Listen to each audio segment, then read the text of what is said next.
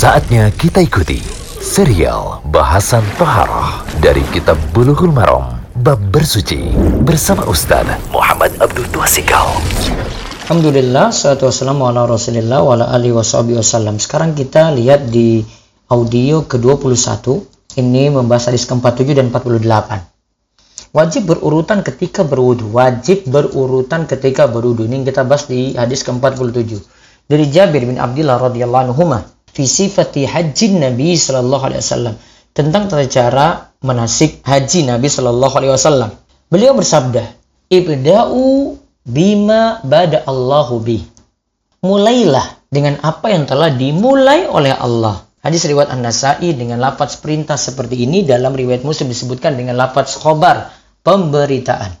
Faedah hadis, walaupun masalah ini ditemukan dalam pembahasan haji, tetapi ada kaidah usul yang berbunyi al-ibratu bi umumil lafzi la bi khususi sabab. Pelajaran diambil dari keumuman lafaz, bukan dari kekhususan sebab. Dari sini diambil kesimpulan wajibnya tertib, berurutan, wajibnya tertib, berurutan antara anggota wudhu yang wajib, yaitu membasuh wajah, membasuh kedua tangan, mengusap kepala, dan membasuh kedua kaki. Seperti disebutkan dalam surat Al-Maidah ayat 6. Inilah menjadi pendapat Imam Ahmad dan Imam Syafi'i. Allah berfirman, Ya ayyuhalladzina amanu idza kumtum ila sholati faksilu wujuhakum wa aydikum ilal marafiqi wamsahu bi ru'usikum wa arjulakum ilal ka'bain. Hai orang-orang yang beriman, apabila kamu hendak mengerjakan sholat maka basuhlah mukamu dan tanganmu sampai dengan siku dan sapulah kepalamu dan basuh kakimu sampai dengan kedua mata kaki. Quran surat Al-Maidah ayat 6. Nah ini menunjukkan lihat di sini anggota-anggotanya yang disebutkan berurutan sesuai dengan ayat ya. Kita akan ikuti apa yang Allah urutkan berarti. Basuh muka dulu, kemudian tangan sampai dengan siku, kemudian sapulah kepala, usaplah kepala, baru kemudian basuh kaki sampai dengan kedua mata kaki. Terus hadis ke-48 disebutkan kedua siku itu ikut dibasuh saat berwudu. Hadisnya sama dari Jabir bin Abdullah karena Nabi sallallahu alaihi wasallam idza tawaddaa ada ma'a 'alal murfaqaihi Nabi SAW itu saat berwudu mengalirkan air pada kedua sikunya. Mengalirkan air pada kedua sikunya. Yang tepat itu mirfaqaihi ya. Iza adarul ala mirfaqaihi. Dengan dikasrah.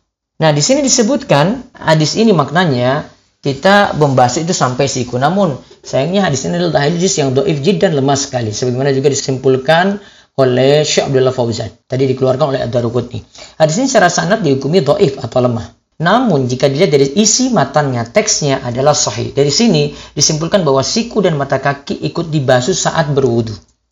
Jadi bukan berhenti sebelum siku kita sudah berhenti, bukan. Siku kena. Mata kaki juga demikian, mata kaki kena.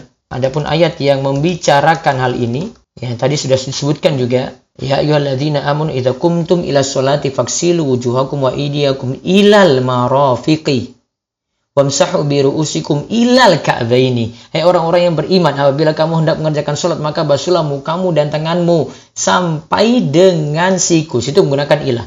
Dan sapulah kepalamu dan basuh kakimu sampai dengan situ juga menggunakan ilah dengan kedua mata kaki.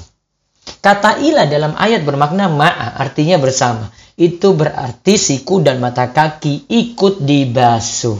Wallahu a'lam bishawab. Demikian serial bahasan toharah dari kitab Bulughul Maram bab bersuci bersama Ustaz Muhammad Abdul Tuasikal.